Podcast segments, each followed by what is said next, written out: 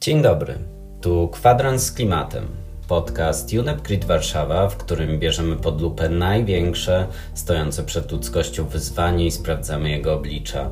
Nazywam się Bartłomiej Kozek, a dziś w naszej audycji gościmy Michała Kruszyńskiego, prezesa Planet A Foundation i startupu ekologicznego Znika. Dzień dobry. E, dzień dobry, witam serdecznie. Chciałem zacząć od kwestii, która chodzi mi po głowie, a mianowicie tego, jak na Twoim przykładzie może wyglądać droga osoby młodej do zainteresowania się tematyką klimatyczną. E, ja bardzo dziękuję za tytuł osoby młodej. E, wydaje mi się, że e, ten wiek 28 lat to jeszcze się chyba załapuje. W Polsce na pewno. W Polsce na pewno, tak. Moja droga była taka, że ja tak naprawdę nie miałem nic wspólnego z ekologią i klimatem jeszcze kilka lat temu i jakbyś dzisiaj mnie spytał, nie wiem, powiedzmy 2-3 lata temu, co będę robił i co wiem o klimacie, to te odpowiedzi byłyby bardzo różne.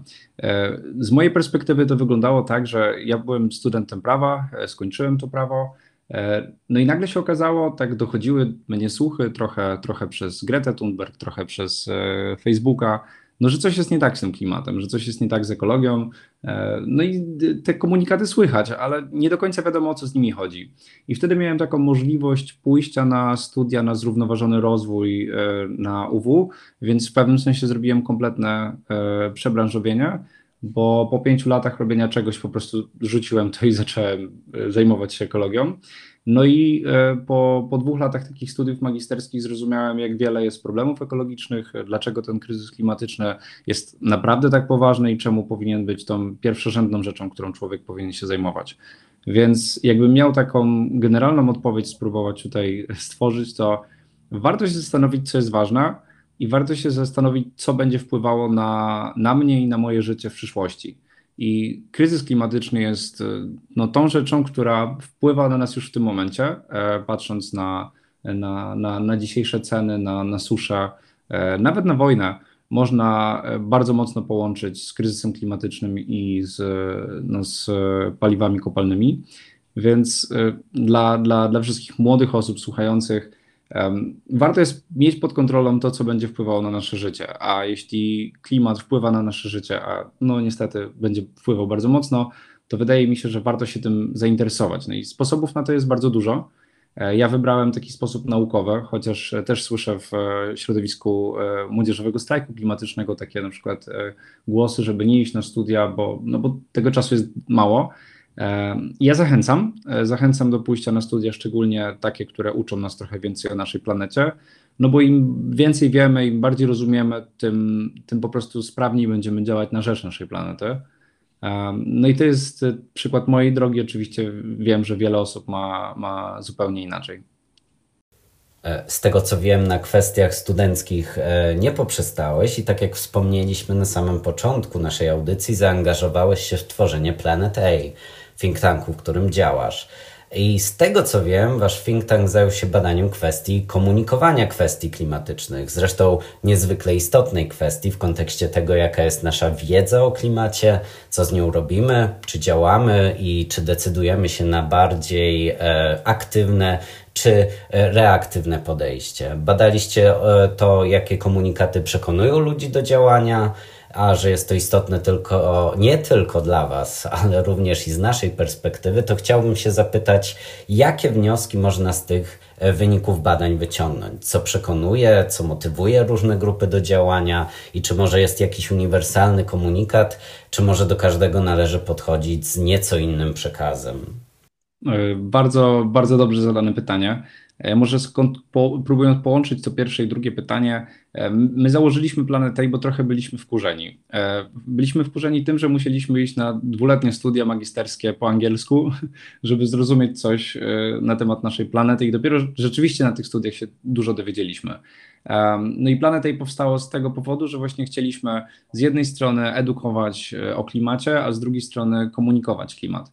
No i e, oba te tematy bardzo się łączą, bo to jest trochę tak, że im więcej komunikujemy o klimacie, tym bardziej efektywne są te komunikaty. Im bardziej ktoś jest otoczony informacjami dotyczącymi danej rzeczy, no tym większa szansa, że, że, że kliknie, że zainteresuje się. No i tutaj jest, myślę, że czegoś nowego nie odkryłem, bo E, bo na tym działa cały marketing, tak? Jak widzicie reklamy w internecie jakiejś rzeczy, którą chcecie kupić i widzicie ją ciągle, to po około 15 razach po prostu kupicie tą rzecz. Najczęściej tak to e, wygląda. No i z tego też powodu stwierdziliśmy, że spiszemy całą wiedzę, którą dostaliśmy, uprościmy ją, e, bo też jesteśmy specjalistami od komunikacji, więc te skomplikowane komunikaty staraliśmy się jak najbardziej uprościć. No i stworzyliśmy po pierwsze trzy podręczniki e, o klimacie, o bioróżnorodności i o zrównoważonym rozwoju i one są za darmo dostępne na planetmyślnik.pl. E, no a po, poza tym właśnie prowadziliśmy te badania, więc oprócz tego, że warto po prostu się edukować i warto po prostu dowiedzieć się więcej i im więcej będziemy o tym mówić, tym, tym, tym bardziej efektywne są te komunikaty, e, no to właśnie przejdźmy może teraz do tego badania. Pierwsza kwestia jest taka, że komunikacja klimatyczna rozpoczyna się od pewnego paradoksu. ja lubię to tłumaczyć na zasadzie takiej jadącej na kogoś ciężarówki. Bo z jednej strony musimy komuś rzeczywiście wytłumaczyć, że tak, ten kryzys będzie na tyle straszny i trudny, że y, można go porównać do tego, że jedzie na nas rozpędzona ciężarówka. A z drugiej strony nikt nie lubi negatywnych i smutnych komunikatów, które jeszcze mogą kogoś sparaliżować ze strachu. Więc z jednej strony musimy tłumaczyć, że być może stoimy u progu e, bardzo dużego kryzysu, o ile nie apokalipsy, a z drugiej strony nie możemy kogoś wystraszyć na tyle, żeby ta osoba e, odrzuciła ten komunikat po prostu, tak na zasadzie wyparcia, e, a, albo na przykład po prostu wpadła w depresję klimatyczną, co też jest coraz częstszym zjawiskiem i, i, i zdała sobie sprawę, że po prostu nic, nic nie można z tym zrobić. No bo oczywiście można zrobić i to też będziemy propagować. No i tutaj drugą taką rzeczą, którą chciałem poruszyć, jest to, że y, jakby czemu musimy zajmować się komunikacją klimatyczną? No bo jeśli słuchamy naukowców takich jak profesor Malinowski, którzy specjalizują się y, w tematach klimatycznych, no to warto też słuchać naukowców, którzy specjalizują się w tematach komunikacyjnych. I tutaj wydaje mi się, że jest y, wyzwanie przed środowiskiem ekologicznym, ruchami klimatycznymi, żeby te komunikaty właśnie dobierać do, do mimo wszystko do odbiorców, tak? I to jest, e, odnoszę się tu bezpośrednio do tego e, pytania, które zadałeś, bo często jest tak, że mając dobre intencje, mówimy coś, mówimy coś nawet w telewizji, i to nawet być może polaryzuje bardziej ludzi niż przekonuje do, do naszej sprawy. Więc e, e, jest wiele czynników, które wpływają na to, czy komunikat jest skuteczny. No i może warto zacząć tutaj od nadawcy komunikatu, e, bo nadawca komunikatu bardzo wpływa. To znaczy, to kto mówi, wpływa na to, czy komunikat jest perswazyjny. No i w badaniu, które my przeprowadziliśmy, testowaliśmy pięć nadawców. Gretę Thunberg, Andrzeja Dudę, profesora Szymona Malinowskiego, papieża Franciszka i IPCC jako instytucję. I e, daliśmy dla każdej z tych pięciu osób e, stosunkowo proklimatyczny komunikat, to znaczy rzeczywisty komunikat z mediów, które ta osoba, instytucja powiedziała wcześniej. E, I staraliśmy się zobaczyć, czy różne grupy społeczne, podzielone demograficznie, podzielone w kontekście poglądów politycznych, wyborów, preferencji partyjnych itd., tak jak to będzie na nich wpływać. No i rzeczywiście E, widzieliśmy tutaj bardzo dużą polaryzację społeczną, bo mimo, że te osoby de facto mówiły to samo, e, taka e, oczywiście subiektywne postrzeganie takiej rzetelności komunikatu bardzo różniło się ze względu na to, kto mówił. No i to oczywiście lewi, osoby o, o, bardziej lewicowych poglądach z dużych miast bardzo ufały Grecie, natomiast osoby trochę bardziej konserwatywne, no już kompletnie Gretę odrzucały, tak? E, akurat Andrzejowi Dudzie niewiele osób w ogóle ufało. E, tymczasem najlepsze wyniki, to też było dla nas bardzo ciekawe, wcale nie osiągnął e, profesor Szymon Malinowski. On był na drugim miejscu, też były bardzo wysokie te wyniki, ale taki anonimowy naukowiec z IPCC miał no, najwyższy, naj, najwyższy wynik. Tak? Więc wychodzi na to, że bardzo szanujemy instytucje i dużo bardziej szanujemy instytucje niż jednostki, a jednostki, które. Mm, są jakby mm, postrzegane jako, jako członkowie pewnych grup, będą definitywnie negowane przez pozostałą grupę. E, pozostałe nawet grupy, można powiedzieć. E, jeszcze ostatnią rzecz może tu powiem z ciekawostek. E, jeśli chodzi o komunikację klimatyczną, to też możemy mówić o komunikacji w kontekście wartości. E, no jest taka bardzo ciekawa e, teoria Moral Foundation Theory, która zakłada, że jeśli komunikat klimatyczny jest oparty o pewną wartość, to będzie, jakby będzie rezonował bardziej z konkretnymi grupami społecznymi. Tutaj była taki podział na osoby bardziej e, właśnie konserwatywne i liberalne. No i wychodzi na to, że często używamy argumentów w komunikacji jako, jako, jako ruchy ekologiczne i klimatyczne, które dotyczą krzywdy i sprawiedliwości. To są dwie takie wartości, które często się e, przejawiają, czyli ktoś będzie cierpiał, no i nie dość, że będzie cierpiał, to jeszcze to nie będzie fair cierpienie, bo na przykład będą cierpiały osoby nieuprzywilejowane albo na przykład z kontynentu afrykańskiego, załóżmy. E, natomiast te komunikaty e, rezonują głównie z osobami o liberalnych wartościach, a praktycznie wcale nie rezonują z osobami o wartościach konserwatywnych. Natomiast e, takie wartości jak solidarność, lojalność, autorytet, respekt, czy czystość lub świętość nawet natury bardzo rezonują z osobami o konserwatywnych poglądach, ale nawet prawie równie bardzo rezonują z osobami na, o, o, o lewicowych i liberalnych poglądach. Więc w pewnym sensie to, co można zobaczyć, to to, że większość komunikacji klimatycznej, która w tym momencie się odbywa, odbywa e, trafia de facto do jednej grupy społecznej, a są inne wartości, które można byłoby komunikować, być może równie ważne, które są trochę bardziej uniwersalne i trafiają do grup, które musimy na pewno przekonać. To taki bardzo, bardzo duży skrót.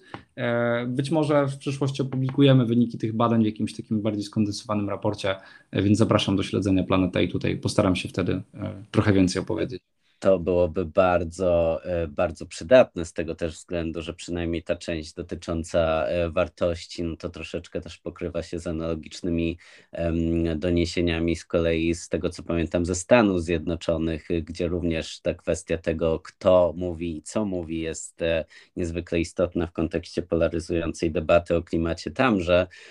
No a jeżeli chodzi o IPCC, to też przypominam sobie, że poza kwestią tego, że ważne, żeby instytucja była i żeby, żeby była obdarzona zaufaniem, co tutaj w tym wypadku wydaje się niezwykle pozytywne, to jeszcze kwestia tego, żeby ludzie o jej istnieniu wiedzieli, bo pamiętam z kolei inne badanie, czyli ten raport Nie e, nasz problem, nie nasza wina e, zespołu pod e, przewodnictwem Przemysława Sadury, w którym faktycznie część młodych ankietowanych z grupy fokusowej argumentowała za tym, że skoro tak bardzo bardzo e, jest dużo sprzecznych komunikatów, to powinna powstać jakaś instytucja, która to zbiera i daje rzetelną naukową wiedzę. I kiedy czytało się ten, tę e, relację z grup fokusowych, to można było odnieść wrażenie, że cóż, e, dobrze by było, żeby trafił również komunikat, że taka grupa istnieje, więc to, to, to było dość zabawne. Natomiast na koniec krótko chciałem jeszcze się Ciebie spytać o,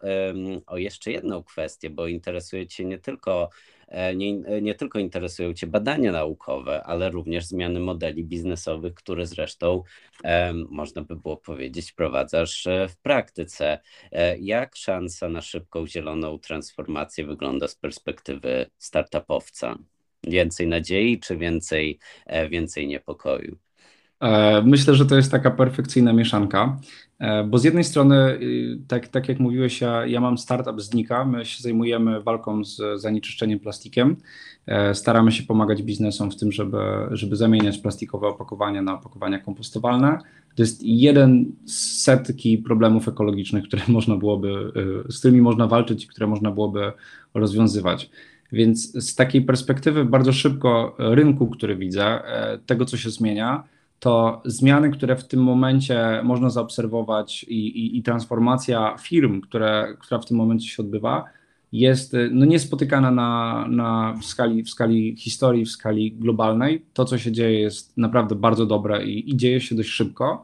I z takiej perspektywy w ogóle tego, jak szybko biznes może się zmieniać, to wydaje mi się, że naprawdę jest dobrze ale z takiej perspektywy, jak szybko powinien się zmieniać, e, z tej perspektywy może trochę bardziej edukacyjno-naukowej, e, no to widzę, że jest jeszcze bardzo dużo do zrobienia. I mam taką wątpliwość, czy, czy uda nam się e, za pomocą tego, co teraz robimy i, i tą drogą, którą robimy, no zmienić nasz system gospodarczy na tyle, żeby żeby był zeroemisyjny albo nawet negatywny, jeśli chodzi o emisję, Aczkolwiek trzeba pamiętać, że kryzys klimatyczny nie jest jedynym problemem ekologicznym, który mamy, więc jeśli na przykład damy radę sobie z emisjami, ale w międzyczasie zniszczymy bioróżnorodność, to wcale nie musimy skończyć w takiej idealnej sytuacji. Więc starając się jakoś to skondensować, Wydaje mi się, że e, warto jest e, powiedzieć kilka pozytywnych słów o tym, co się dzieje, bo rzeczywiście firmy próbują się zmieniać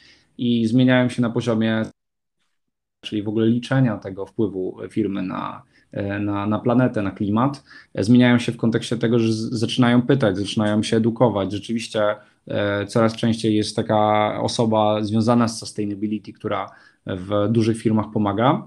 E, no i te firmy też bardzo ważne zaczynają wymagać od swoich kontrahentów, tak? Więc kiedy badamy firmę w tak zwanym scope 1 i 2, czyli w działalności bazowej tej firmy, to firmy często też w scope 3, czyli na przykład, nie wiem, dajmy przykład IKEA, musi patrzeć na to skąd bierze drewno, już nie tylko ile energii zużywa w trakcie produkcji, ale też na przykład ile ci kontrahenci zużywają tej energii i skąd oni biorą to drewno. Więc wydaje mi się, że w kontekście takiego takiej zmiany ona, ona jest. Ona jest nawet bardzo duża w kontekście tego, do czego biznes jest przyzwyczajony, ale boję się, że, e, że trzeba jeszcze dużo, dużo więcej wysiłku, żeby, żeby ta transformacja wyszła i żeby, żeby wyszła naprawdę, naprawdę pozytywnie. E, czyli e, tak jak w, w, przez całą tę, e, całą tę rozmowę przewijał się taki wniosek, że stoimy na tym rozdrożu i te wybory, które podejmiemy w najbliższych latach, będą miały niezwykle kluczowe znaczenie także dla stanu naszego środowiska. Bardzo dziękuję za ten głos. W kwadrancie z klimatem, podcaście UNEP Grid Warszawa gościł Michał Kruszyński, prezes Planet A Foundation i startupu ekologicznego Znikam. Jeśli chcecie słuchać więcej podobnych rozmów, zapraszamy do śledzenia naszej audycji w najpopularniejszych serwisach podcastowych. Przy mikrofonie Bartłomiej Kozek. Do usłyszenia w kolejnym odcinku. Dziękuję bardzo.